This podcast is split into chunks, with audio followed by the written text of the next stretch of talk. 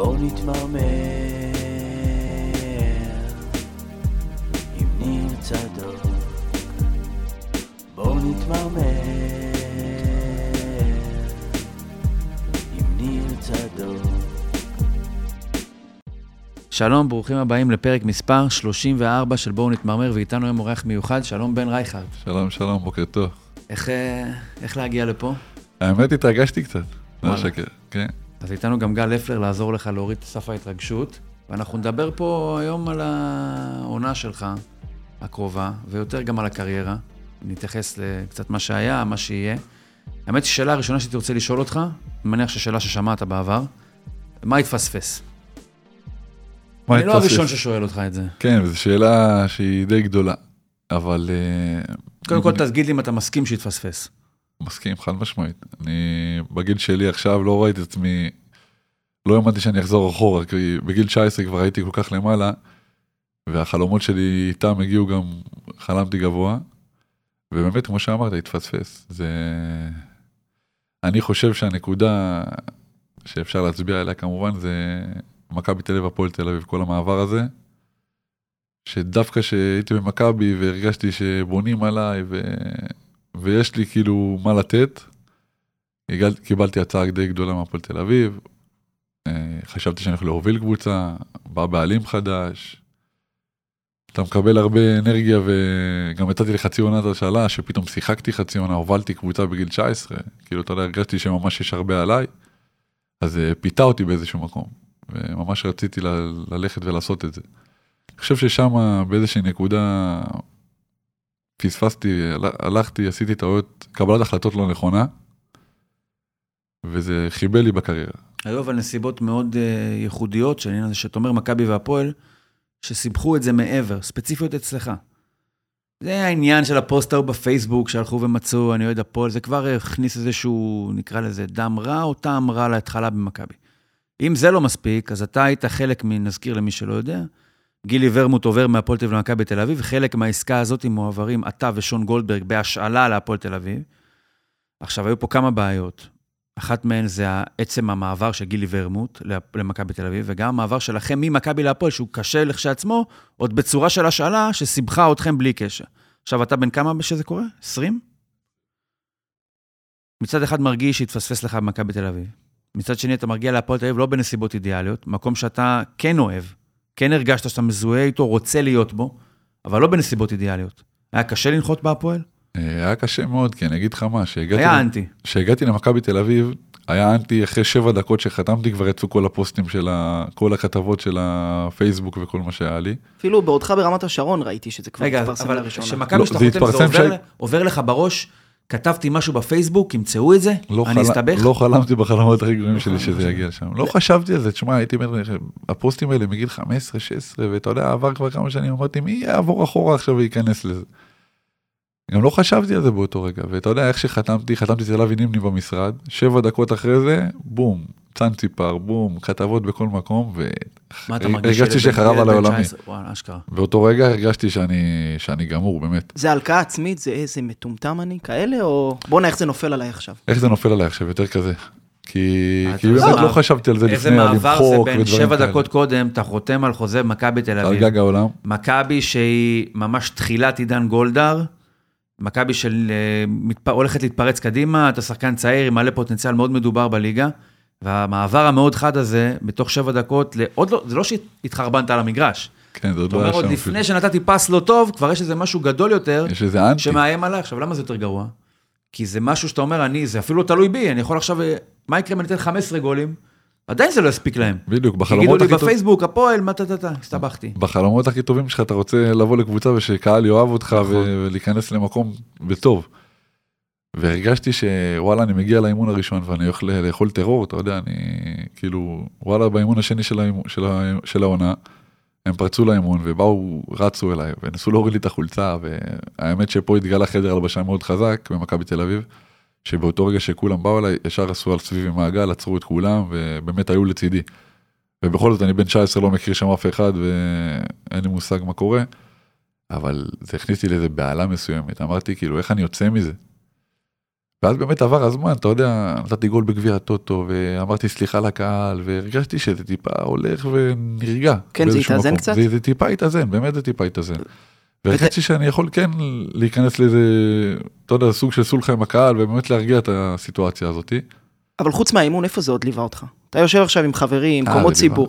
זהו, תן לי שנייה קצת. זה ליווה אותי באמת בכל מקום. אוהדי מכבי תל אביב שמע, עד ניגשים? היום זה מלווה אותי, באמת, אני אומר לך, זה מלווה אותי עד היום, אני הולך למסעדות, אני הולך למקומות, הרי זה, זה סיפור מאוד מוכר, ושהשם נתפס יותר מה, מהקטע של הכדורגל.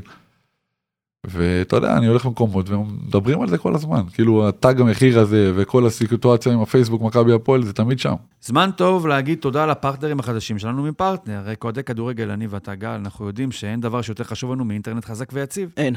אתם הרי מכירים זאת היטב, כשאתם במגרש כדורגל ואתם רוצים להתעדכן על תוצאות אחרות, היום כבר יש משחקים של ישראליות באירופה, אפילו כדורסל יש נראה לי, או לראות הילוך חוזר של השער, אז כדי שלא תתמרמרו על האינטרנט שלכם, לפרטנר יש את הפתרון. אז גל, שתשמע ותדע שעם טכנולוגיית 5G שתתמוך באזורים צפופים ובמהירות גלישה מעולה מכל מקום שתרצו, במלא אצטדיונים, זרוק אצטדיון.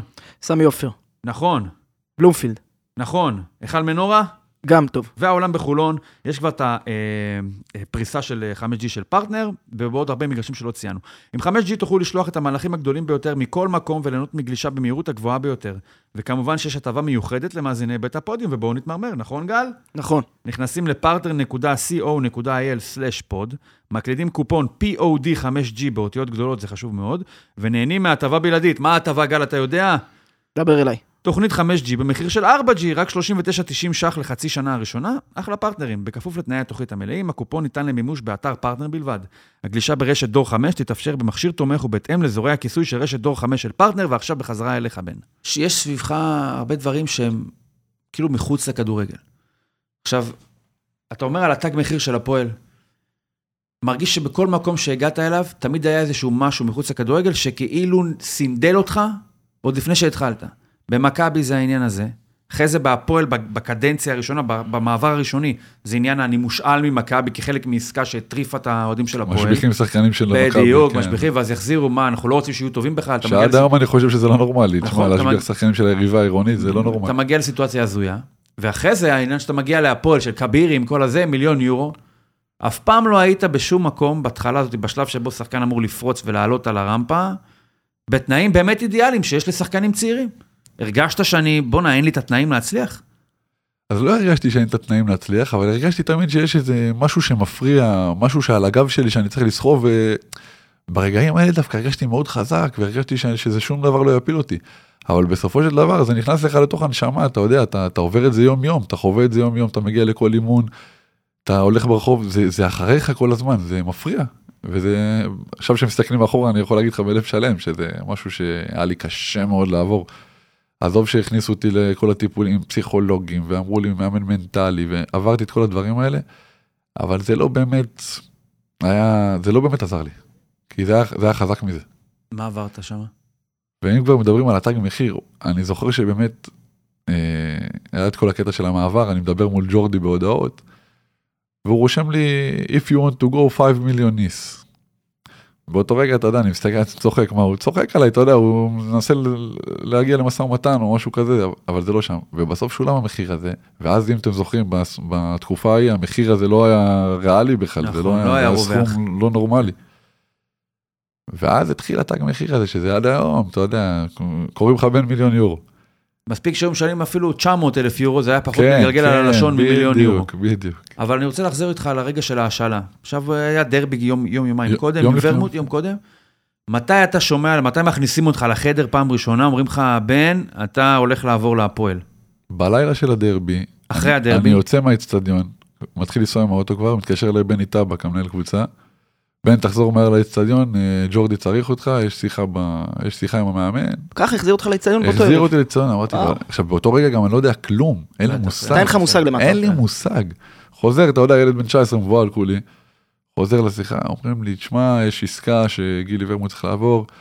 אה, הפועל תל אביב אה, הטילו וטו שהם צריכים, הם לוקחים שתי שחקנים מושאלים, שאחד מהם זה אתה. על שון גולדברג, אני לא זוכר אם הם התעקשו, אבל אחד מהם חייב להיות אתה. אני עכשיו באות- רגע, אתה שומע את זה ואתה חושב, עזוב כרגע השאלה, לא השאלה. יש בך איזשהו משהו, בואנה, אני לפחות נחלץ מהמקום שבו עושים לי צרות בגלל הזיהוי שלי עם הפועל, ועובר לאיזה מקלט מקום בטוח כזה של אני אוהד הפועל שהולך לא, להפועל? לא, באותם רגעים אני ממש לא, באותם רגעים אני אומר, זה בל... כבר נרגע קצת. זה אוקיי. כבר היה אחרי גביע הטוטו, אחרי גביע המדינה. אה, התחיל להירגע כל הסיטואציה עם הקהל, אתה יודע, הרמתי יד, ביקשתי סליחה, כבר טיפה נרגעו העניינים, עשו לי פגישות כל מיני. הרגשתי שזה כן נרגע, התקשרתי באותו רגע לסוכן שלי, לאבי נימני אז, בזמנו. הוא אומר לי, בן, בשום פנים ואופן אנחנו לא עוברים, תגיד להם לא, בשום מחיר, לא משנה מה. ואז התחיל השיחות של, כאילו הלכתי משם, ויום אחרי המשיכו השיחות, והם עשו עליי לחץ שלא היה דבר כזה, כי אתה יודע? אם זה ג'ורדי, אם זה המאמן שרצו מאוד את גילי ורמוט בתקופה ההיא. הם התאבדו על זה, כאילו, אתה יודע, הם ניסו לעשות את זה בכל מחיר. וזה היה התנאי של הפועל העסקה, התנאי של הפועל. העסקה היה בן רייכרד בהשאלה לחצי עונה ועוד שחקן. אתה יכול להגיד לא בתחושות שלך? אמרתי לו, אמרתי אוקיי. לו באמת והתעקשתי על זה. ואז מה קרה? הוסיפו לי שנה בחוזה. הם כאילו ניסו לפתות אותך, לפתות לפצות, אותי. בדיוק ואמרו לי שבונים עליך ורוצים שתחזור. אבל אמרתי אתה יודע אמרתי באותם רגעים איך אני עושה את זה עכשיו נרגעתי עם הקהל איך אתם עושים לי את זה כאילו מה זה. מה, אתה אומר בראש, בטח צריך להיות לך את ההיגיון להבין, בואנה, מה זה להאריך עוד חוזה? אתה מאריך לי חוזה בגיהנום, אתה זורק כן. אותי על רימון, אתה שם אותי, הרי כל ה... הרי מה הקטע? עזוב את ההשאלה ולא זה. שחקן אחר, בלי המטען שלך, של הקטע הזה של מכבי הפועל, אולי, אולי, אולי עוד יכול היה להיחלץ מהדבר הזה, למרות שזה גם קשה, אתה מקבל בן אדם חצי שנה, אתה רואה אותו בצבע אדום, עזוב, הם לא יודעים את הממבו ג'מבו הזה, מושל, לא מושל, לא הם לא יודעים, הם רואים, רגע אחד הוא צהוב, רגע אחד הוא אדום, קשה להחזיר אותו לצהוב. אתה, על אחת כמה וכמה, שמלכתחילה היה עניין של, רגע, הוא צהוב, הוא אדום, פתאום עכשיו להכניס אותך עוד פעם לסחרחרה הזאת, אתה לא יכול לחזור למכבי. אז הבנת לא- שלא תחזור. אה, באיזשהו מקום הבנתי את זה. השלמתי עם זה גם לקראת סוף העונה כי התחילו כבר דיבורים עם הפועל עם כבירי אז בזמנו. אבל יותר מזה, נחזור לאותו זה, אתה אומר להם שאתה לא רוצה לבוא. אומר להם שאני לא רוצה כן. כן. יום למחרת התחילו ממש מפעל של לחצים, הם לא עצרו וכבר הגיעו לשיחה עם אבי נימני, ואבי נימני, אתה יודע, בסופו של דבר הוא איש שמקורב למכבי תל אביב, והוא כן רצה לסדר את זה, את כל העניין הזה. אז הוא שמע עוד שנה בחוזה, שמע כנראה אולי עוד עמלה, עוד לא יודע מה. אז גם אבי התרכך. אז גם אבי התרכך וריכך אותי, ויצאנו לדרך עם המהלך הזה, הוספתי שנה בחוזה באמת, אה, עוד שנה במכבי תל אביב, ויצאתי להשאלה. אבל אתה יודע, וש- גם תמיד. גם תמיד אומרים עליך, על בן רייכרד, זה ההתנהלות, פגע בו, אתה פה מתאר סיטואציה, אתה קורבן של הנסיבות. מי היה נוהג אחרת ממך? בחור בן 20. נחשף כבר הפוסט, חטף את הקללות ואת כל ההתנהלות מצד אוהדי מכבי תל אביב. מתחיל להירגע. נשאר, מתחיל להירגע. בא הפועל תל אביב, אתה אומר לעצמך, ב- אתה יודע, בא- באופן הכי רציונלי, לא רוצה, אל, אל תכניסו לי את הכאב ראש הזה עכשיו, אבל אתה יודע, מה אמור לעשות בחור בן 20? זה ממש כמו שאתה אומר, זה ממש כאב ראש, והכנסתם אותי, כאילו עד שטיפה נרגע העניינים, אתם מחזירים אותי לבלאגן. במכבי, שחתמת, לקח שבע דקות. לקבל את הבלגן. כמה לקח פה? בהפועל, איך שהגענו ל... האמת שהאימון הראשון זכור לי, אני ושון הגענו, באו כמויות של אוהדים על הגדרות, אתה יודע איך זה בוולפסון, הם יושבים למעלה. זה היה משהו הזוי, קיבלנו קללות, וגם אני, שאתה יודע, באותו רגע אמרתי, אולי כאילו טיפה מחילה, טיפה חמלה, אתה יודע, אתם לפחות יודע, תמונה שלכם, כמו אתם יודעים שאני קצת כמו מזוהה. שאומרים העולים מרוסיה, שם הייתי יהודי, פה קוראים לי רוסי. שם אמרו, היה להם בעיה שאני עם הפועל, פה יש להם בעיה שאני עם מכבי. בדיוק, אז תקפו, אז באותו רגע גם הרגשתי מה זה מבואס, אתה יודע, תוקפים אותי גם במכבי, גם בהפועל, איפה אני נמצא, כאילו, מה, איפה טוב לי להישאר, איפה טוב לי להמשיך את הקריירה שלי. ואז התחלתי לשחק בהפועל, ואתה יודע, לא שירת אותך קצת שאתה אומרים, בואנה, הוא זה. הפועל. זה לא היה שם. לא שירת זה אותך. לא היה שם ברגעים לא. האלה, הם ברגעים האלה משביחים שחקנים של מכבי כן. תל אביב, וזה לא נורמלי. שון ואני ב- בכלל, שון בכלל היה חטוף, כאילו, שון, כאילו, שון- אתה יכול התעקשו, אותו. זרקו לספינה הזאת. כן, ושון כאילו זה שחקן מכבי תל אביב, מחלקת כן, נוער, כן. הוא צריך לחזור. זה היה לא פשוט, אבל אני זוכר את האימון הראשון הזה, זה היה פשוט סיוט, אתה יודע, זה לא, ש- זה לא רק האימון הראשון, זה גם המשיך ככה. והגענו לב- לבלומפילד ומשחק ומשחקים ושורקים בוז כל הזמן לשחק, לי ולשון. לא היה פשוט, אבל אתה יודע, תוך כדי, אתה יודע, כשאתה משחק, אני כבר לא, לא שומע רעשי אתה גם רקע. נגד חיפה, אם אני לא טועה? כן. אה, מהאוויר. אה, ואם כבר מדברים על זה, ג'ורדי, בקשה של ג'ורדי. אל תחגוג יותר מדי, אל, ת, אל תרוץ לקהל, אל תראה יותר מדי נכונות. זה נשמע לך שפוי, זה נשמע לך נורמלי, כאילו, אתה יודע, שמתי גול נגד מכבי חיפה, ואתם יכולים לראות אותו גם. לאיפה אני רץ? ליציע הכבוד. נכון. נותן איזה גליץ' שם. נותן גליץ'. לכיוון היציע הכבוד, כי אני, כי, כי, כי אני לא יכול ללכת לחגוג עם הקהל של, של הפועל, כי אני חוזר למכבי עוד רגע.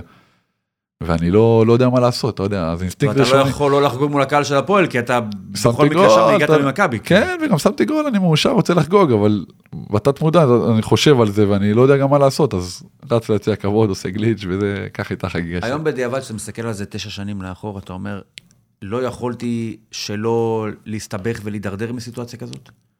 עד כמה אתה, באמת כמו שגל אמר, קורבן של נסיבות, או שהיום תסתכל במבט אחורה ואתה אומר, לא, עם כל הכבוד, יש משהו שאני עשיתי לא טוב, שהוביל אותי תשע שנים אחרי, לחזור לליגה הלאומית, לנקודת ההתחלה, לרמת השרון.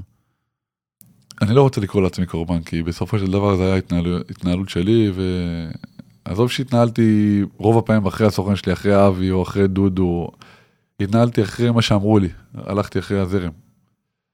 אבל כשמסתכלים מאחורה, תשמע, יכלתי לעשות דברים אחרת, יכלתי גם להתעקש על להישאר במכבי נגיד. למרות שבאותם רגעים, תשמע, אני מסתכל, אני ילד בן 19, אני משחק רק בגביע הטוטו, גביע המדינה, אומרים לי שבונים עליי, אבל זה לא שם.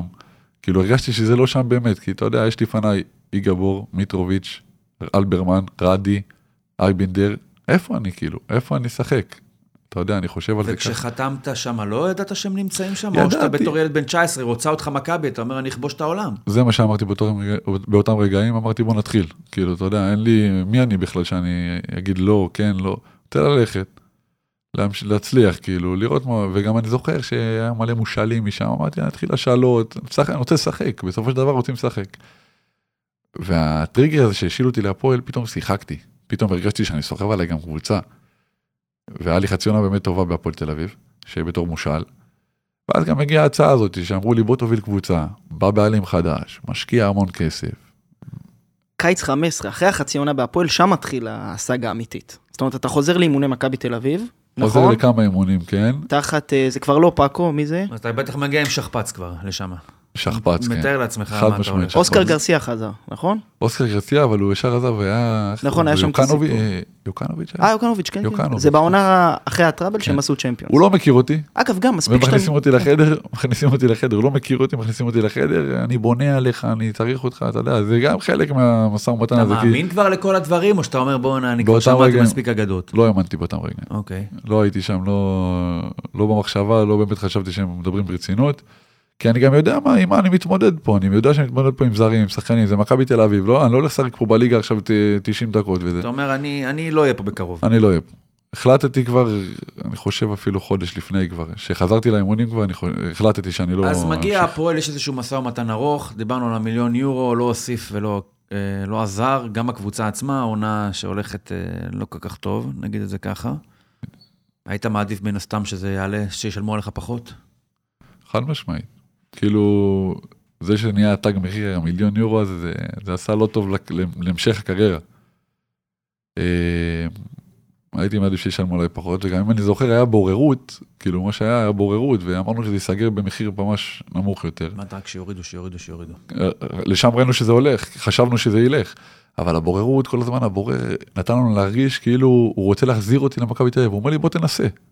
אמרתי לו אני לא יכול, אני, אתה יודע, אני סובל, רוצים לגמור אותי האוהדים, רוצ- זה לא הולך ככה, כאילו לקחו אותי לחצי שנה שנה, עשו לי סבל, אני לא יכול להמשיך, תן תג מחיר ובוא נמשיך. הוא בוא, נ- בוא נחזיר אותך, בוא תן שבוע ניסיון, כאילו זה קייטנה. מזרן. ו... ואז החלטנו, הייתי גם בקשר עם אמיר כבירי, החלטנו ש...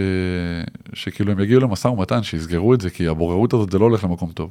ואז כביכול זה נסגר על המיליון יורו הזה. אני אקח את זה רגע מחוץ לזה. אם ישאלו אוהד כדורגל ישראלי, הדבר הראשון שעולה לו לראש שהוא שומע בן רייכרד. פרובלמטי, בל... בלאגניסט, אה, ואם אני אדבר על כדורגל, סגנון משחק, מה הדבר הראשון שיעלה? יגידו שיש לו המון יכולות, היה פוטנציאל מאוד, היה פוטנציאל מאוד גדול, שלא התממש. אני אגיד לך מה עולה לי בראש. מעבר לדברים האלה שהם יותר כלליים שאמרת. לי קופץ לראש, סליחה על המילה, כסחן. זה משהו שהיית איתו בגיל צעיר, או שזה משהו שהתפתח בשלבים יותר מאוחרים של הקריירה? מי- ויכול להיות שאתה לא מסכים, אגב, אתה יכול להגיד לי, אני לא כסחן. אני מסכים איתך. אני חושב שאני, הסגנון משחק שלי פחות מתאים לישראל, אפשר להגיד. אוקיי. אה, וואלה ששיחקתי, בב- שהתאמנתי בבלגיה, שיחקתי במילואים וזה, וואלה זה התאים בול, לא שורקים שם את השור- את השריקות ששורקים פה, המשחק הרבה יותר פיזי ויותר אגרסיבי. אבל היית שוב, ככה מ-day one, הייתי בן מ-day בן one. ה-16 היה כזה? בין אחרי day one, בן אדם שמשחק עם אמוציות, בן אדם שמשחק מאוד אגרסיבי, תמיד היה לו נפילות גם. אה, מה זה נפילות? נפילות זה אומר קטעים של עצבים, של אה, מאבד את זה קצת, אה, צהובים, אדומים, לאורך כל הקריירה. זה באמת משהו שליווה אותי ממחלק, ממחלקות הנוער. זה הפרדה שאתה עושה על הדשא, או שאתה ביום יום שלך אתה בן אדם רגוע? כי מהחמש דקות שלנו במעלית נראה לי שכן. אז פעם הייתי גם עצבני מחוץ למגרש. היום אני יכול להגיד לך שמחוץ למגרש אני בן אדם שונה. דבר ראשון, אני יכול לפתוח את זה פה, אני שנים על גבי שנים מטופל תרופתית, ורץ עם זה לאורך כל הקריירה שלי. לפעמים זה קצת יותר עוזר, לפעמים זה קצת פחות.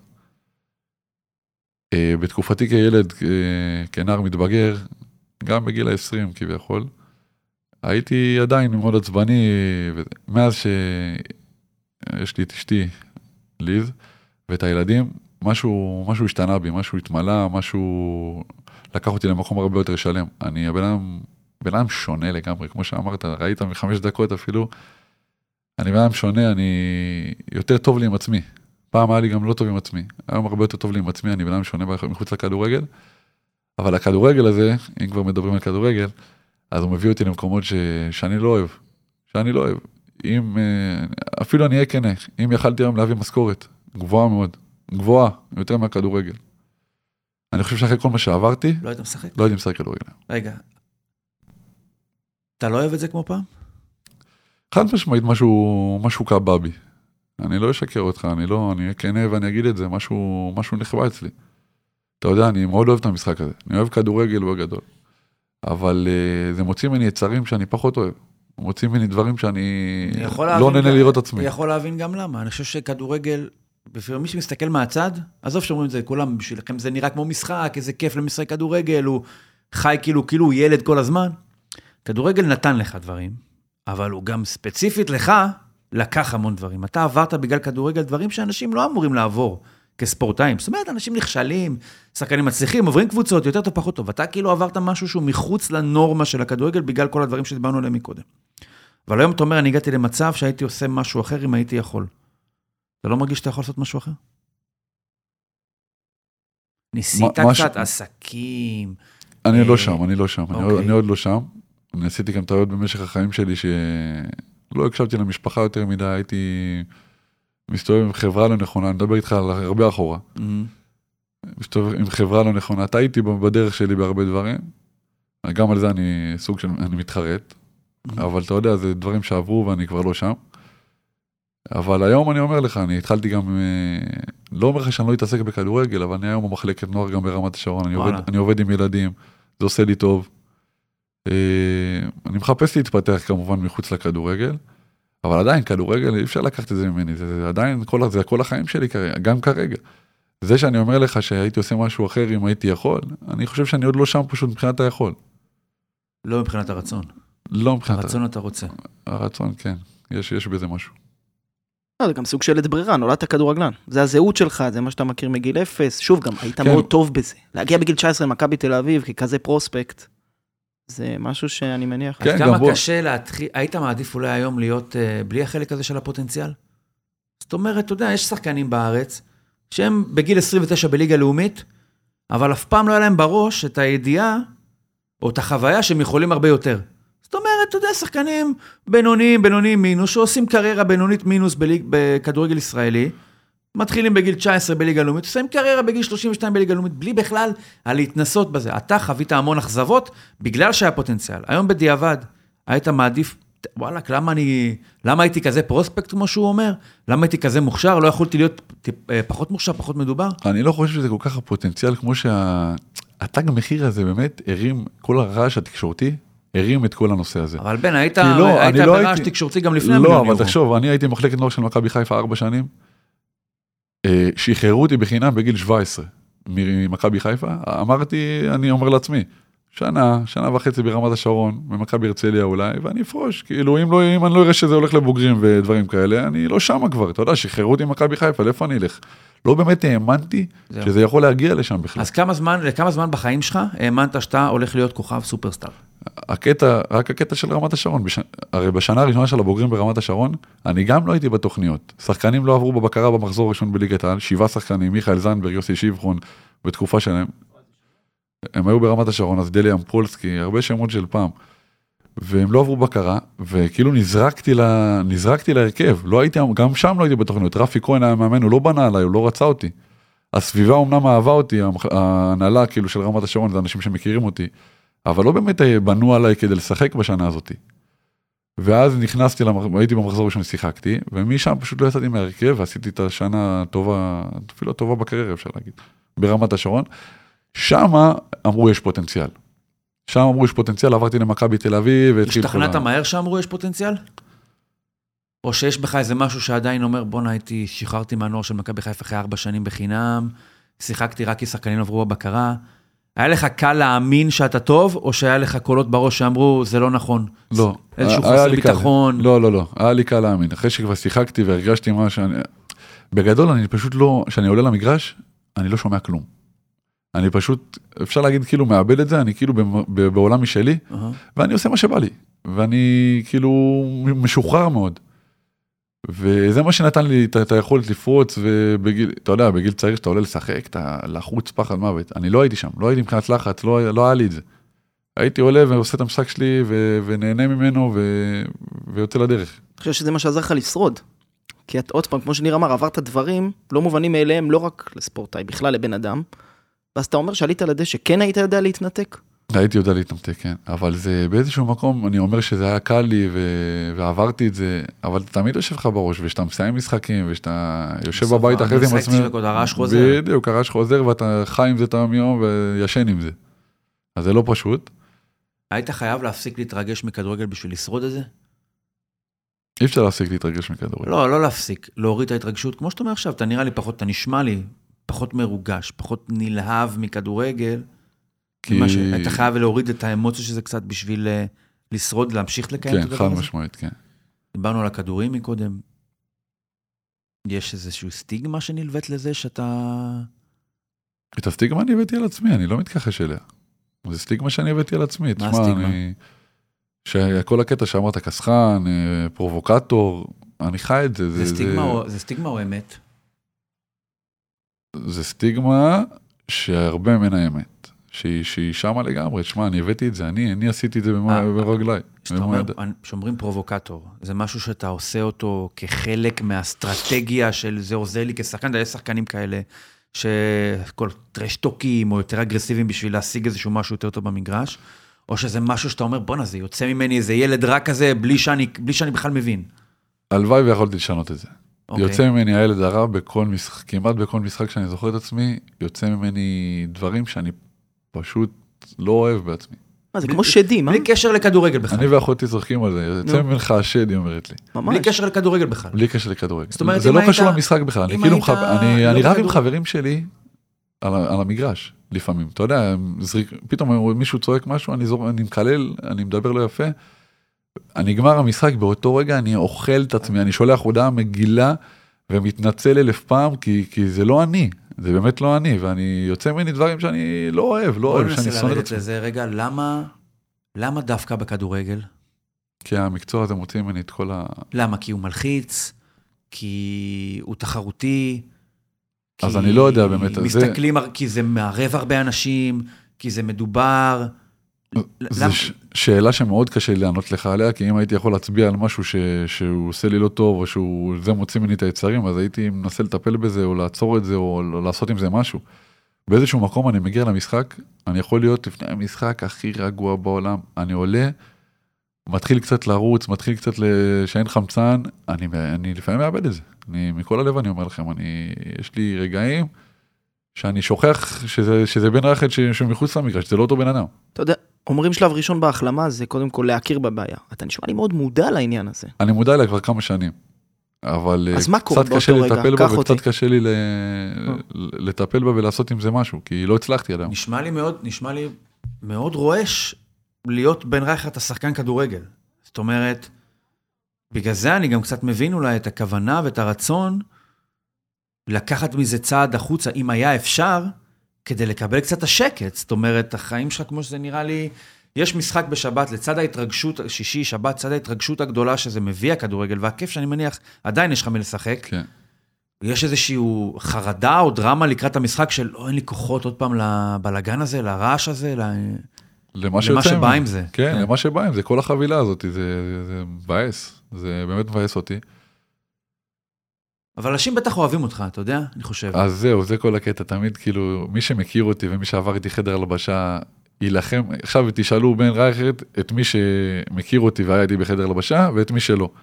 התגובות הן יהיו כל כך כל כך שונות שאתה יודע, אנשים משתגעים מזה, הרי השחקנים שהיו איתי בחדר הלבשה נלחמים על השם שלי ונלחמים לאיזה גבר הוא ואתה יודע איזה בן אדם ודברים כאלה, כי אתם באמת, אתם רואים פה בן אדם אחר מחוץ לכדורגל, אתם רואים בן אדם שונה. ומי שמכיר אותי מהמגרש, יכול לחוות ממני דברים מאוד קשים. דברים מאוד קשים. אתה אני- חייב להיות אדם אני- אהוב על ידי אני- אנשים, אתה אומר בעצמך, כדי להיות מסוגל שידעו להגיד, אוקיי, כן. הוא קצת אולי ככה במשחק כי קשה לו, או כי הוא לוקח את זה לנקודות מסוימים, אבל אנחנו אוהבים אותו, כי הוא... שמע, אני בן אדם שנוא מאוד במגרש הכדורגל. מי שלא מכיר אותי מחוצה לו, אני מבין אותו. אני חד משמעית מבין אותו, אני יודע למה הוא מה יש מתכוון. לשנוא בבן רייכרד? אני מתעסק בכל כך הרבה דברים שהם לא כדורגל לפעמים, ונכנס לפינות שאני לא צריך להיכנס אליהם בכלל, אם זה עם שחקנים, אם זה המריבות הקטנות, אם זה הלכלוכים, הטרשטוק. אני, אני מחפש את האינטריגות עם שחקנים ש, שאני לא צריך לחפש את זה בכלל. אני במקומות ש, שאני לא צריך להגיע אליהם, וזה מבאס אותי כי, כי נגמר המשחק, אני אלף סליחות, שחקנים שאני לא מכיר, שהם לא חברים שלי. אבל אתה לא מצליח בראש עכשיו, מה שאתה אומר עכשיו, שורק השופט, להגיד לך, בן, אין חמצן בראש, לא עובד. לפעמים זה לא עובד. באמת, אני אומר לך, אני כבר שנים של מנסה לתקן, מנסה לעזור לעצמי. יש משחקים שזה כן הולך. יש משחקים שזה באמת כן הולך, שאני שקט, שאני שותק, שאני לא מדבר כל המשחק, שאני אפילו לא מדבר עם השופט אה, מילה פה, מילה שם. ואז אתה יותר מרוצה מעצמך מאשר... מרוצה, מדהים, אני מבסוט על עצמי. ויש משחקים שאני נופל יותר. חשוב מגול או... כן. כן, בשבילי זה יותר חשוב מגול ובישול ומניצחון. כשאני מצליח להעביר משחק שלם בלי ל- ליפול לדברים האלה, אני מרגיש מרוצה יותר מהכל. תן לי סיטואציה אחת, אתה אומר, מגיע הדקה 90 של לקראת הסיום, אתה בהלקאה עצמית מתחרט, תן לי סיטואציה אחת שהכי התבאסת על עצמך. משהו שהיה לך איזה אינטריגות על הדשא, ש... עכשיו היה לי מקרה לא מזמן בגביע הטוטו. עכשיו, היה משחק גביע הטוטו, לא חשוב, בואו נהיה כנים, זה גביע הטוטו, זה לא שיא הטירוף של לא רמת מוקדמות שרון. אלופות. בדיוק. דודו ביטון, חבר מאוד מאוד טוב שלי, משחק בכפר סבא, היה איזה פאול שם מחוץ לרחבה, הוא צועק פנדל. עכשיו אני, מה, דודו חבר מאוד מאוד טוב שלי. אני, מה קשור לסיטואציה בכלל שהוא צועק פנדל? אני צועק לו, דודו, סתום את הפה, מה אתה צועק, מה הפנדל, מה, אתה יודע. הוא הסתכל עליי, הוא היה מופתע, כאילו, הוא לא היה מוכן לזה אפילו. הסתיים המשחק, רציתי לקבור את עצמי באדמה מעצם זה שאתה יודע, אני גם לא פירטתי יותר מדי, אתה יודע, התעסקתי לו, מה יש לך בן זונה, כאילו, אתה יודע, כן, כן, קללה לא. קצת לא מתאימה. פה אין ביפים. כן, אז קצת לא מתאים. ונגמר המשחק, תפסתי את הראש, ישבתי בחדר הלבשה, כבר, אני לא יודעת מה לעשות, להתקשר אליו, לחכות רגע, הגעתי הביתה, שלחתי לו הודעה מגעילה, מתנצל אלף פעם, דודו, אתה יודע שזה לא אני, אתה מכיר אותי, אתה, אתה, אתה אח שלי, אתה, אתה לא צריך להגיע לשם, אתה לא צריך אפילו לחשוב על מה אמרתי, כי אני באמת לא מתכוון למילה מזה. והתנצלתי עוד פעם ועוד פעם ועוד פעם, וכמובן שהוא לקח את זה והוא, והוא סלח לי אתה יודע והכל. מה, נשמע לי שאתה... אנחנו לא מכירים באמת, אנחנו רק מהשיחה פה. אתה קצת גם רגיש, אני לא רוצה להגיד מדי, כי מה זה מדי, אבל אתה מאוד רגיש. זאת אומרת, אני, סיטואציה כזאתי, גם יכולת להגיד, אוקיי, אני, לא עכשיו היינו פה בפילהרמונית בחזרה של נגנים, ויצאתי על הכנר של אה, בואנה, יא בן זונה, תנגן בסולם הזה. זה בתוך כדורגל, עם אמוציות, אמרת משהו, אבל נראה לי שאתה באיזשהו מקום, בגלל שאתה כבר כל כך בתוך הלופ של המודעות לתדמית שלך ולמה שקורה בתוך זה, לוקח נורא קשה סיטואציות שאם היו קורות לבן אדם אחר, הוא בכלל לא היה מתייחס אליהן. זאת אומרת, סתם זרוק לי שם של שחקן, אני יודע מ... דולב חזיזה. דולב חזיזה. אני לא, לא נראה לי שהוא לוקח איתו לבית, הביתה ומתייסר מזה שהוא אמר בן זונה לאבו פאני. כן. אולי כן, אבל אצלי, אצלי זה, זה יותר מזה, זה, כמו שאמרת, זה, אני לוקח את זה הרבה יותר קשה.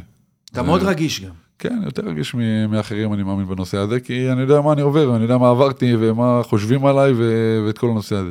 אז עד שאני טיפה מצליח לתקן, אז אני חוזר אחורה. אז זה לא רק כלפי עצמך, זה גם כלפי הדימוי שלך בחוץ, שאתה יודע שכל מעידה שאצל אחרים הייתה מוחלקת, אצל אחרים זה כאילו, או, הנה עוד הוכחה, הנה זה רייכרד, כן, זה כאילו לא. זה והזה והזה.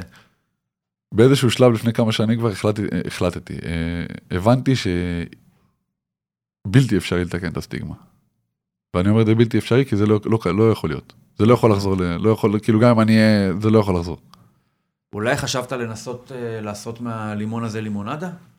זאת אומרת, זה הסטיגמה שלי שאני כסחן, אה, אמוציונלי, אה, מה עוד יכול להיות? ולעשות מזה, אוקיי, אז אני לא כסחן, אני מביא למגרש משהו שאחרים לא, אני גרזן, אוקיי? לא כסחן.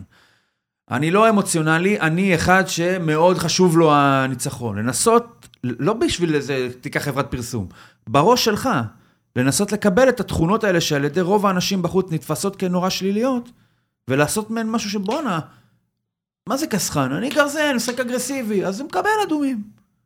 מה זה אמוציונלי? אז אני מקלל, אבל אני, אני מקלל. הרי, מה זה הבן זונה שאתה אומר על אה, מישהו שרוצה פנדל מחוץ לרחבה? זה כי למרות מה שאמרת, שזה כולו גביע הטוטו, היה לך מספיק חשוב לנצח כן. את המשחק הזה בגביע טוטו ליגה לאומית.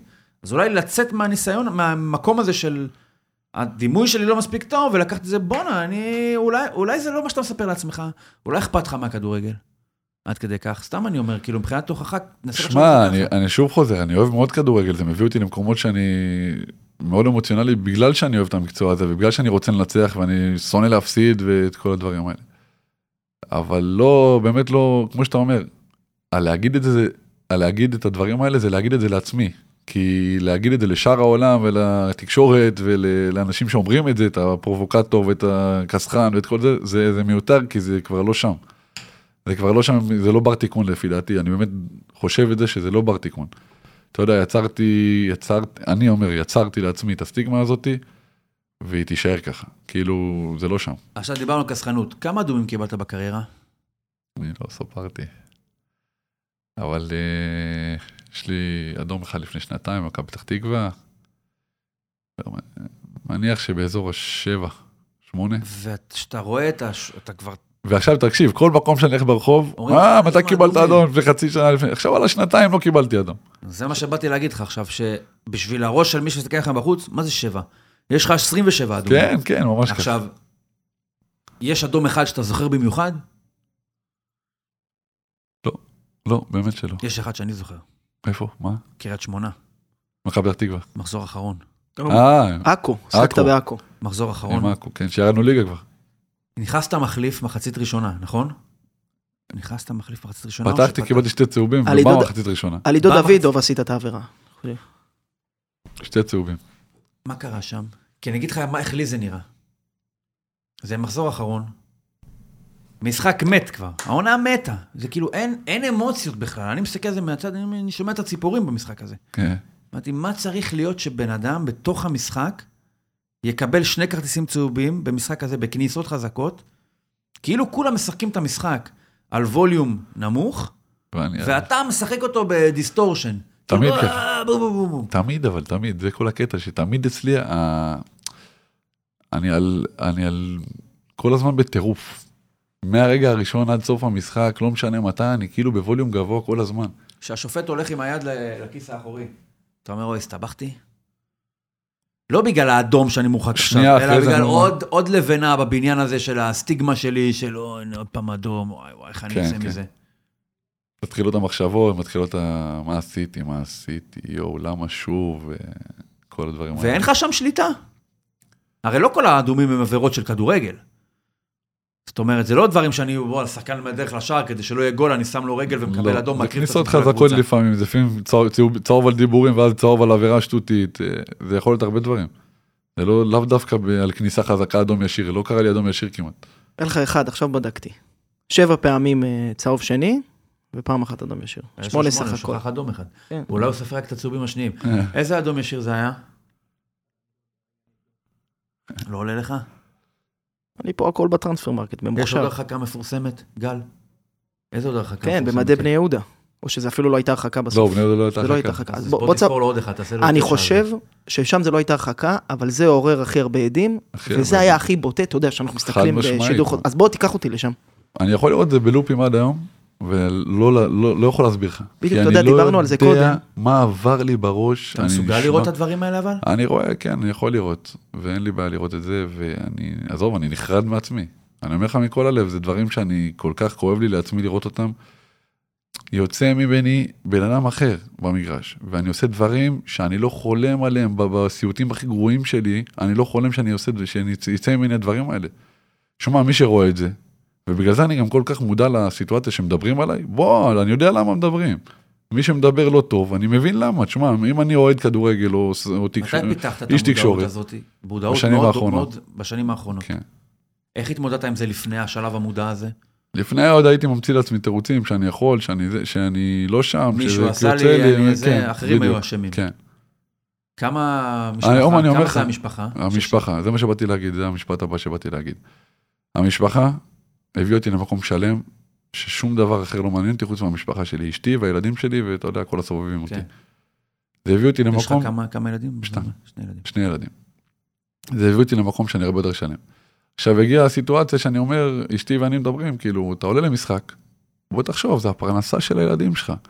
זה ה... זה ה... זה בשביל זה... אתה לא יכול לחנך את הילדים שלך אם אתה מתנהג ככה כמו ברברי במגרש. אתה לא יכול לעשות את זה.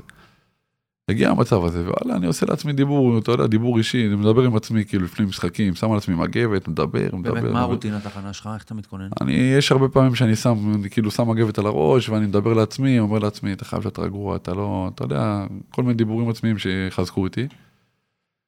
וגם זה לא עבד לפעמים. וזה מבאס אותי, אתה יודע, שאתה, אשתך אומרת לך, "זה בשביל הילדים שלך, הפרנסה של הילדים שלך, ואתה פוגע בזה, ואתה יודע, סתם להגיד עכשיו אני אקבל אדום, אז יקנסו אותי, ואתה יודע, על אדומים שטותיים ודברים כאלה.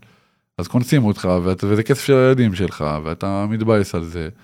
ואתה עדיין לא מתקן את זה, אז למה? כאילו, מה, אתה בן, שעוד רגע בן 30. הילד רואה אותך, הוא בא בא ל... הילד עכשיו התחיל לבוא, כאילו. כבר מתחיל. להבין, כן, לא? הוא כמה הוא? הוא מתחיל להבין, הוא חולה כדורגל גם, אבל אה, הוא בן שלוש וחצי, הוא גם התחיל להגיע למשחקים עכשיו, ושוב, זה, זה לא משהו שעוצר אתה אותי. מחכה לשער? לתת איזה גול? לרוץ? חשבת על זה? פחות חושב על זה, אבל אתה, אני, כבר היה לי גול אחד שהוא היה במגרש וזה, אז, אה, אז רצתי אליהם והכל. אבל... תרצה שהוא יהיה כדורגלן? לא, לא. לא, חד משמעית לא. לא סיימת את המשפט, הוא אמר לא. לא חד משמעית, אבל uh, אני לא אמנע ממנו, אני לא אשים... uh, אוקיי, ברור. כי כרגע הוא מאוד אוהב את זה, הוא כל היום חליפות של כדורגל ואני רוצה לשחק ולבעוט. ו... אתה מצטער על הרגע שהתחלת לבעוט? אה, לא, כי המקום הזה חינך אותי ועיצב אותי באיזשהו מקום. גם נהנית קצת, בוא. כן, בוא, בוא, חד משמעית הגשמת נהניתי חלום, בוא, עם. כל הסיפורים, כי אנחנו, כל השיחה הזאתי, יש לה איזשהו אה, מין אה, אפיון כזה של פחות טוב, מה לא כן. מה זה. בוא ניקח את זה רגע לכיוון של הזה. בוא'נה, הגשמת חלום, שיחקת, חלום, נגעת, שיחקתי היית... בבלומפילד, לא האמנתי בחלומות הכי טובים שלי שאני אהיה בבלומפילד של הפועל או בבלומפילד של מכבי, כי אתה יודע, של ככה קהל וזה, בחיים לא האמנתי. לא הייתי שם, לא הייתי שם מבחינת מחשבה. אז יש גם דברים טובים כן, בכדורגל. חד משמעית, זה הביא אותי למקומות ששמחתי הרבה והיה לי כיף גם הרבה, אתה יודע, אני חושב שבאמת בכדורגל יש המון יותר, יותר כישלונות מאשר, אה, אתה יודע, ניצחונות ודברי רגעי אושר, אבל היה לי מאוד כיף ואני עדיין אה, חווה הרבה דברים, רגעים כיפים וכיף לי בחדרי הלבשה ואני מאוד נהנה. זה לא שאני אנתק את זה ועכשיו אני רק סובל ואני בא בשביל הכסף ואני, זה לא שם. אני עדיין, יש לי הרבה רגעים טובים ורגעים אה, נחמדים. יש לי עוד אה, איזושהי תיאוריה, אני חושב שכדורגל עשה לך ספציפית טוב, בגלל שאולי משהו בחשיפה המאוד גדולה של המקצוע הזה, והקשיים שהגיעו בעקבותיו, עזרו לך להתמודד עם משהו שאולי היית חווה גם במסגרת עבודה אחרת, אבל לא היה לך את ה... הלחץ לא היה כל כך גדול שהיה מחייב אותך לעשות משהו כדי לעזור כן. לעצמך. אתה מדבר על אה, טיפול אה, כן. תרופתי והכל. סתם, אני אומר, בין אם הייתי לוקח אותך, אני מניח שהקשיים שאתה חווה לא קשורים רק לזה שאתה כדורגלן. לא, קשורים אבל... גם לאדם שאתה. כן, אבל הכדורגל הוא מביא אותי לנקודת קיצון כן, מסוים. הוא חשף אותך. הוא חשף אותי הרבה יותר נכון, גבוה. אבל אני אומר שלצד החשיפה שאולי העצימה את זה, היא גם דחקה אותך למקום שהכריח אותך במרכאות להיעזר במשהו כדי, כדי להשתפר ולהתגבר ולהיות חזק יותר. שאני חושב שאולי אם היית עובד בעבודה אחרת, פחות לחוצה, פחות זה, עדיין זה היה נמצא בך. הקושי הזה היה אה, בצורה אחרת, אבל לא היה שם את, ה, את הדחף הזה של למצוא איזושהי עזרה לעצמך. חושב על זה גם ככה? חושב על זה גם, אה, אני פשוט לא מכיר את עצמי, לא, לא נכון. כדורגלן, זה קצת קשה להגיד את זה, אבל כן, חד משמעית, חיפשתי משהו עזר, חיפשתי משהו שיעצב אותי. אה, היה לאורך... קשה אבל לעבור איזשהו משהו של, אפרופו סטיגמות, לא כלפי העולם שבחוץ, בטח כלפי עצמך יש, אתה יודע, את העניין הזה של כולנו, מהבורות שלנו גם, להיעזר, טיפול תרופתי, היה איזשהו מחסום שהיית צריך זמן לא- להתגבר עליו? לא חששתי מזה אף פעם. כי זה משהו שרציתי לעזור לעצמי. רציתי לעזור לעצמי, פשוט רציתי שזה, שזה, שאתה יודע, שמשהו יעצב אותי, ירגיע אותי, אתה יודע, ניסיתי הכל, באמת, מפסיכולוג, ספורט, פסיכולוג רגיל, פסיכיאטר, כדורים, אה, מאמן מנטלי, אני פיזרתי על זה סכומי כסף הון עתק, בשביל משהו שכן יעזור לי, והייתי מאמן מנטלי צמוד שהוא באמת עזר לי תקופה מאוד ארוכה, אבל באיזשהו שלב אה, זה קצת מיצה את עצמו, זה בתקופה שלי בכפר סבא, זה מיצה את עצמו, אז הפסקנו, ואז טיפה הלכתי אחורה. להמון רגעים בקריירה כן עשיתי וניסיתי, לפעמים זה קצת פחות עזר, לפעמים זה קצת יותר עזר, ו... אני רוצה לקחת משהו, הרי יש הרבה אנשים שהתרומה שלהם בכדורגל, או החשיבות שלהם בכדורגל, היא דרך מה שהם עושים במגרש. עכשיו, המסלול קריירה שלך, של ציפיות גדולות ולא הגשמה מלאה שלהן, זה משהו שהוא לא ייחודי.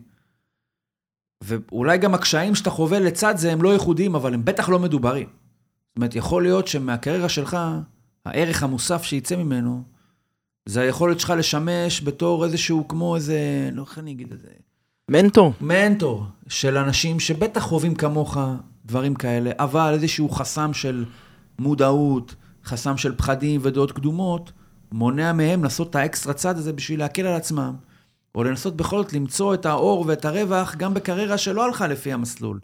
כי אתה לא חשבת שתהיה פה בגיל 29 מדבר איתנו על פותח עונה ברמת השרון. נכון. חשבת, בטח היית מסנן אותנו, לא היית סופר אותנו, היית אומר, מה, אני עכשיו בחו"ל, לא אתקשר אליהם. אגב, לא, לא. אפרופ- אפרופו לא חו"ל, לא מסנן בחיים, אני נשאר... אפרופו חו"ל, אפרופו חו"ל. בבלגיה התפספס איזה משהו... אני גם יכול לשתף בוא. נשים את זה בזמנים, מתי אתה יוצא לבלגיה? אחרי שנתיים בהפועל, שנתיים וחצי בהפועל תל אביב, חצי שנה שלב 23. ושנתיים בהפועל, בגיל 23, קיץ 17. אני יוצא עם דודו גם, סיפור מסוים שאני לא יודע לאיפה אני הולך בכלל, דודו, אני בווגאס עם חברים, ודודו אומר לי, שאתה חוזר, תארוז מזוודה ונוסעים לבלגיה. לא יודע לאיזה קבוצה, לא יודע מה, מו, מי, דודו ככה עובד, לא... בלגיה. נוסעים לבלגיה לחתום בקבוצה. נוסע איתו לבלגיה, איך זה מג- עובד? מה עושים רולטה ומה שיוצא... מג, יוצא? מגיע לבלגיה, אני גם לא יודע לאיזה קבוצה אני הולך. אה, העובד שלו לוקח אותי סיבובים, דודו בינתיים בפגישות, מגיע בערב, הוא אומר לי, אתה חותם באלוף- במחזיקת גביע בלגי, גביע בלגי. אה, חותם, מה זה זולטה? היה? זולט ורכם, כן, מגיע למחרת, באמת חותם על חוזה, אתה יודע, אמרו לי, שאלתי, התייעצתי, גל שיש, דודו ביטון, שאלתי על סכומים, אתה יודע, מה אני הולך להרוויח. כי באמת, דרך אגב, הפגיעה בהפועל תל אביב הייתה פגיעה מאוד מאוד כלכלית, ענקית. אני נפגעתי בפירוק של הפועל תל אביב. זהו, ישבת על חוזה, אני כאילו כמה עזבתי? עזבתי חוזה של חמש שנים במכבי תל אביב, באתי להפועל תל אביב, לחוזה שהיה אמור להיות לי לעוד עוד שלוש שנים, אבל הפסדתי גם 700 אלף שקל, היה לי מענקי שחרור מהצבא ומשכורות שלא קיבלתי, וסכומים ש...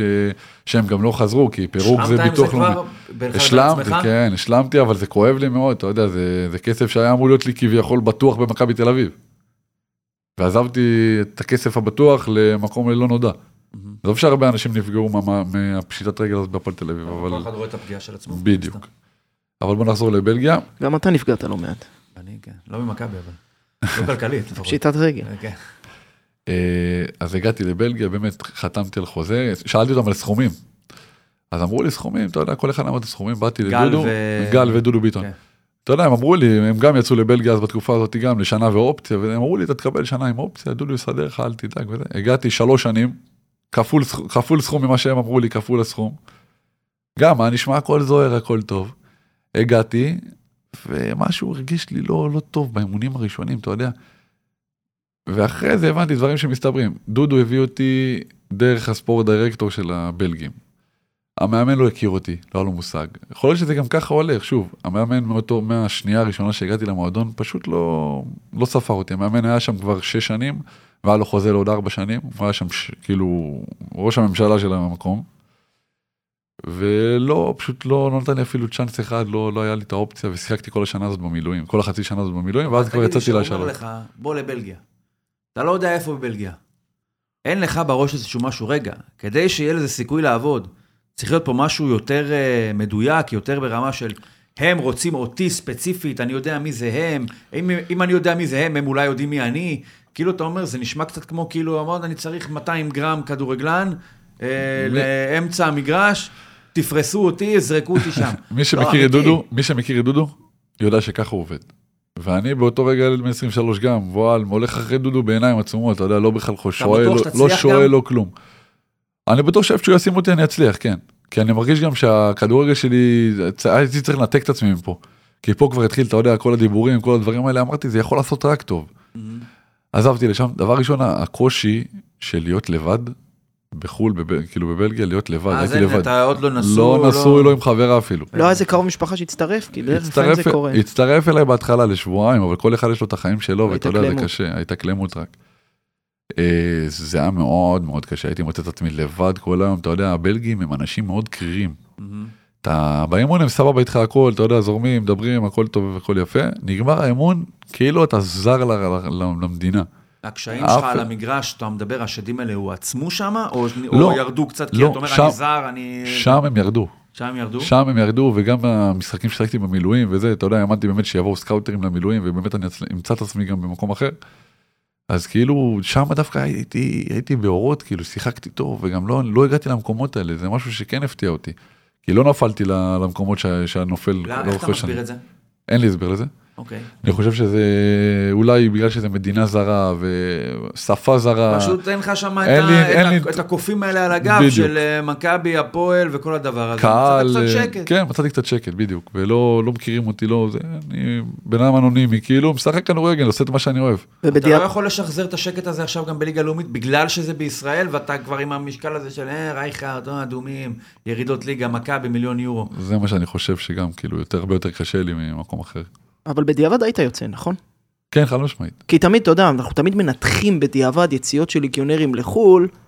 אה, איך הוא יצא, הוא בחר אה, יעד לא נכון, בחר ליגה לא נכונה. אני מסתכל עליך, ירדתם ליגה אז עם הפועל תל אביב. נכון. אתה בן 23, אתה יודע, הוא שחקן צעיר, עברת המון. איך לא תצא? מחזיקה את הגביע הבלגי, גם אני אגיד לך מה היה הזרקור באותה תקופה. אתה זוכר? אתה- מה המשפט על המעבר הזה של בן רייכרד לזולטה לחזור? דודו קוסם.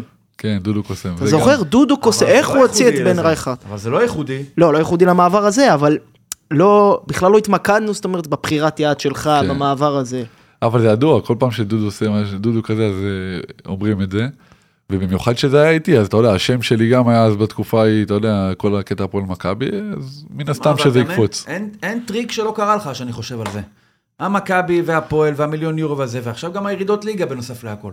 נכון. מגיע יורדים, מגיע יורדים, מגיע- כאילו, מה הסיפור? שאני- כמה פעמים ירדת ליגה? שלוש. לא, איזה שלוש. מה זה? מה, בליגת? העל? בא להגיד. חמש. באתי להגיד חמש, ואני חושב שזה חמש, כן. חמש חמש? גביעים מליגת העל? אתה מחמיר עם עצמך. עכו, עכו, הפועל תל אביב, הפועל תל אביב, כפר סבא, כפר סבא ורמת השרון. ארבע. ארבע. לא, אני פתח לא תקווה אתה. היה משהו? לא, הוא עזב בינואר. עזבת עזבתי- באמצע. עזבתי בינואר. כן, והם ירדו. כן. ואם- אתה מנקה, אתה מנקה מעצמך. כן. אז אני יכול להגיד לך שיש לי גם שם טראבל. ועם אשדוד נכון, נשארת. עזבתי את מכבי תל אביב בינואר.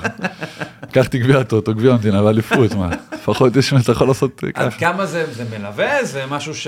היום אני כבר לא שם, היום לא אני. כבר לא שם, די, שחררתי מזה, אני אתה יודע לא למה אני אגיד לך טוב. שאתה לא שם? אמרנו, עם מי ירדת עוד פעם? עכו? עכו, הפועל תל עכו, הנה, אני בא להגיד, נכון אמרתי לכם, אני הולך כמו עיוור אחרי דודו ואחרי סוכן. באתי לעכו בינואר מבלגיה, שהם תשע נקודות מתחת לקו, ומה באתי? להציל את מה? נכון. למה? אבל זה לא רק זה. חרצת את גורלך. הפועל תל אביב עם המינוס תשע גם, מינו- כפר סבא כפר סבא ורמת ורמת השרון. השרון. בעונה עכשיו. אני אגיד לך, למה שאתה תסחוב את זה כל החיים, את הדבר הזה? כאילו, את מי זה מעניין עכו שירדו ליגה? את מי זה מעניין? בלי לזלזל, אמיתי, יש אוהדים, בסדר. מה זה סוף העולם? זה ליברפול שירדה ליגה? כנ"ל רמת השרון, וכפר סבא אולי טיפה לא יותר. הפועל תל אביב זה משהו אחר. כפר סבא גם היה לי, זה- ואתה מה, אתה ירדת ליגה לבד? לא היו איתך מסביב חד 20 אנשים? משמעית. לא היה מסביבך מערכת שהתפרקה לגמרי?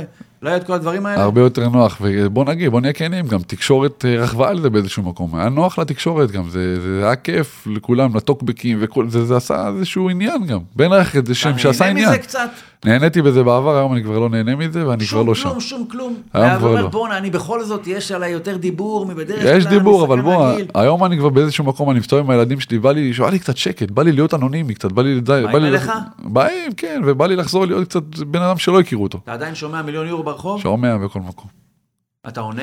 גם אנשים בטוחים שאני הרווחתי את המיליון יורו, אני לא מבין את זה. אם זה היה ככה, מילא. כן. אתה עונה? אני כבר לא, לא, אני לא שם, אני מחייך ואני... לא, אתה נראה לי בכלל לוקח את זה יותר בקלות. היום אני לוקח הרבה יותר בקלות את כל זה. פעם, אתה יודע, הייתי יוצא עם חברים בתל אביב, הייתי מפחד ללכת להשתין לבד. הייתי לוקח איתי שתי חברים כל פעם להשתין, כי מהפחד של הפועל, של האוהדים של מכבי, מהפחד. של האלה, העניין עם המכבי תל אביב, עזוב את הצחוקים בין מיליון יורו, איפה אתה, זה טרשטוק כזה נחמד, אבל פתאום מכבי תל אביב זה פתאום קללות באמצע הרחוב, איך הם מתמודדים? מה הקללות? פעם ירקו עליך. נכון. תספר את זה. במועדון, במועדון בתל אביב גם קפצו עליי בשירותים, ואם שתי חברים שלי הצילו אותי ברגע האחרון. היה לי הרבה מקרים. היה לי, הסתובבתי עם חברים, אתה אקסי נשמע שהייתה לי. כמו חיים שחקן אה, בריטי כזה. זה זה אה, מצחיק כאילו, גם אתה יודע. לא באמת. כאילו, אני בטוח שזו לא חוויה הכי כיפית בעולם שזה לא, קורה, אבל... בכלל לא. אבל באמת התחלת לספר משהו, עצרתי אותך. לא, אז סיפרתי על המועדון הזה בתל אביב, באמת, קפצו עליי שתי אנשים, אוהדי מכבי תל אביב, אמרו לי, מה אתה מדבר ככה על מכבי? עכשיו סתם, מחפשים כאילו, מכלום. ובשנייה אתה יכול ליפול לזה למכות, ואתה יכול אתה- ליפול לזה למשטרה. סליחה שאני זה, אתה גם לא נראה לי פראייר, אתה לא נראה לי אחד שתוריד את הראש, תלך. לא, זה בטוח כן. לא. אבל אבל אה, הוא אתה יודע שאתה לבד, צריך כדור בסביבה. אם היו באים אליך על הדשת, כבר נגמר אחרת. כבר עולם אחר, כן. אה, זהו, אז עברתי באמת הרבה מקרים, הנה, היה לי חברה לפני זה שעברתי איתה, הלכתי לסרט, ובאו אליי בסרט, התחילו לזרוק עליי גילו לו את הסוף. גילו את הסרט. אה, גדול. את הסוף של הסרט של בן רייכרד. זה הסוף שכולם רוצים. אז? לא, כל מיני קללות כאלה, וזה לא נעים, אתה יודע, אתה הולך, אתה פה בבר, במדינה שלך, הולך לראות סרט עם חברה, אתה יודע, אתה לא רוצה, לא, לא ביקשתי יותר מדי. ומקללים אותך, ואתה ליד מישהי שהכרת לפני רגע, וכאילו, קצת עניינים. סליחה, ינואר. ינואר 2024, חצי עונה אתה נותן ברמת השרון, הבאת שבעה שערים, עשרה בישולים, בן רייכרד חוזר אחורה בזמן, נהיה שחקן, לא כמו שהיה בפיק שלו, אבל שחקן מעל הליגה הלאומית, הוא עכשיו מסקרן קבוצות מליגת העל. אתה מקבל עכשיו טלפון, אה, בוא נחליט שאתה מקבל את הטלפון הזה מיוסי אבוקסיס. והוא אומר לך, בן, אני רוצה אותך בביתר ירושלים. לא יקרה, כי כבר עברתי שתי בדיקות רפואיות בביתר ירושלים, אה, נכון. ולא חתמתי. עברתי בדיקות רפואיות פעמיים, אבל מתי עכשיו? לא עכשיו, לפני ש... ארבע, ארבע שנים. עזוב ארבע שנים, אתם...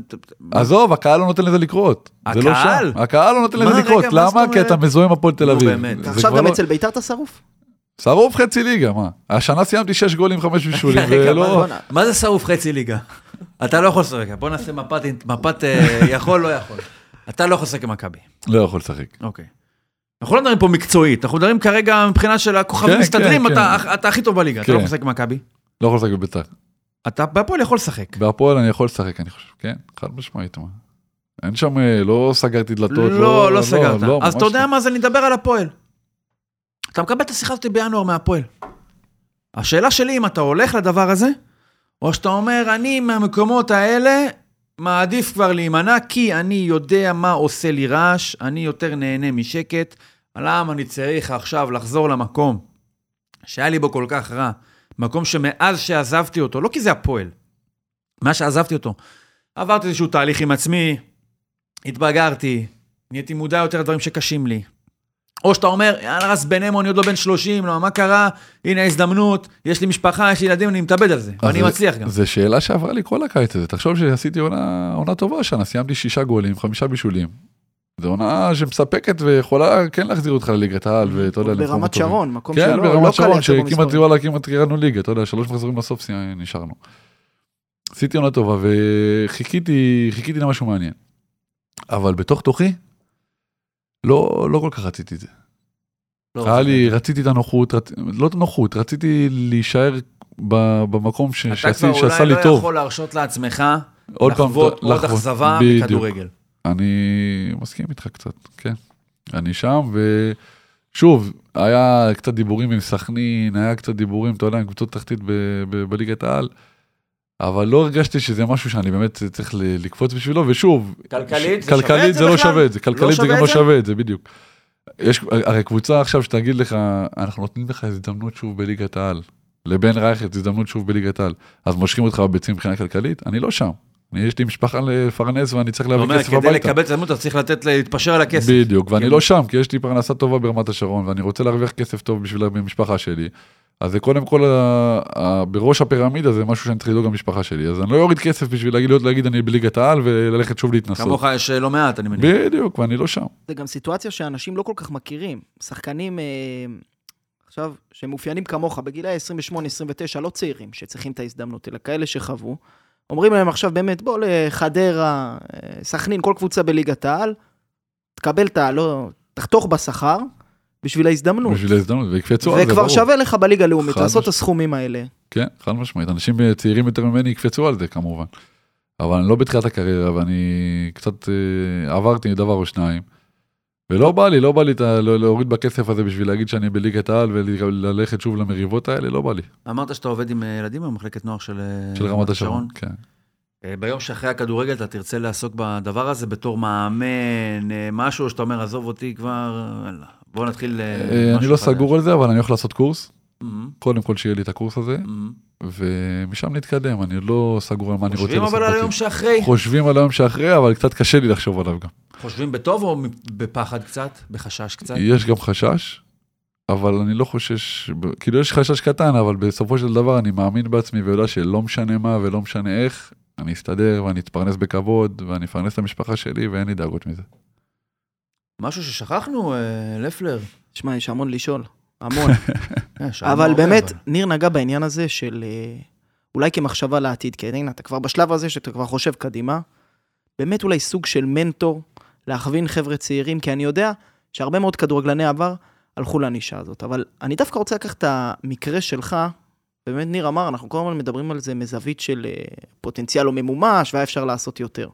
אתה לא ראובן עובד, אתה מבין מה אני אומר? כן. אתה, אחרי כל מה שעברת, הצלחת לייצר קריירה, אתה, אני פה כאילו מחמיא לך, אבל אני רוצה פה להדגיש את הנרטיב. אתה מפרנס את המשפחה, כמו שאמרת, אתה בסוף, אנחנו פה מסקרים תחום, כן? אני הייתי מתחלף איתך, אחרי כל מה שעברת. אתה, בסוף אתה עוסק בדבר שאתה הכי אוהב, ומתפרנס, כמו שאמרתי.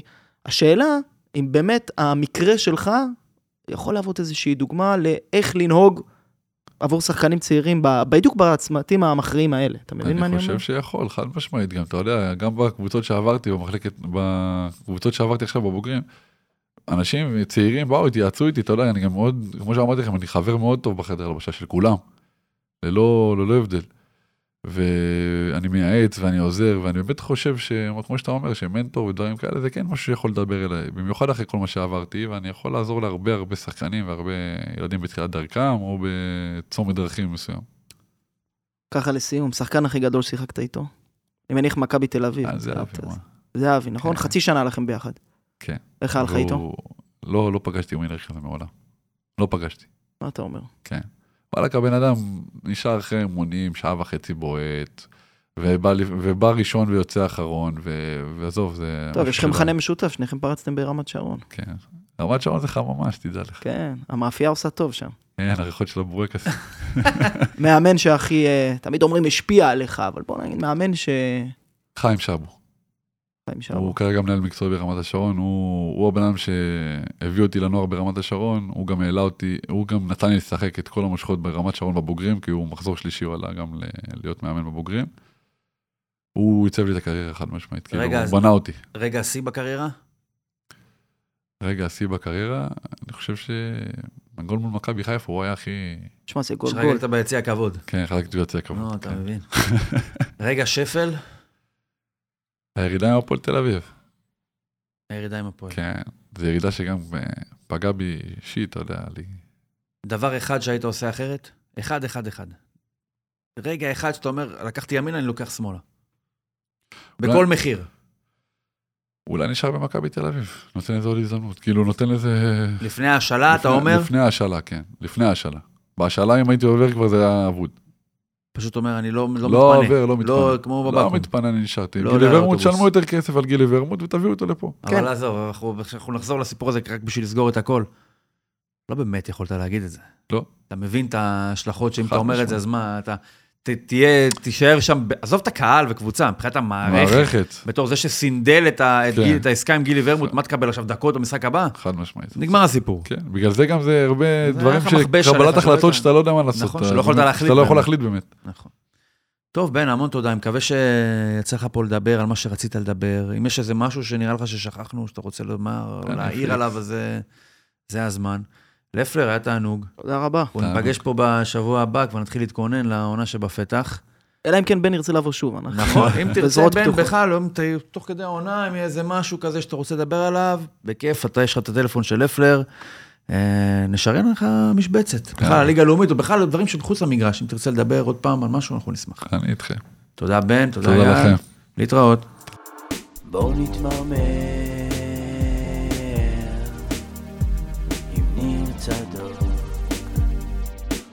עם ניר צדוק בואו נתמרמר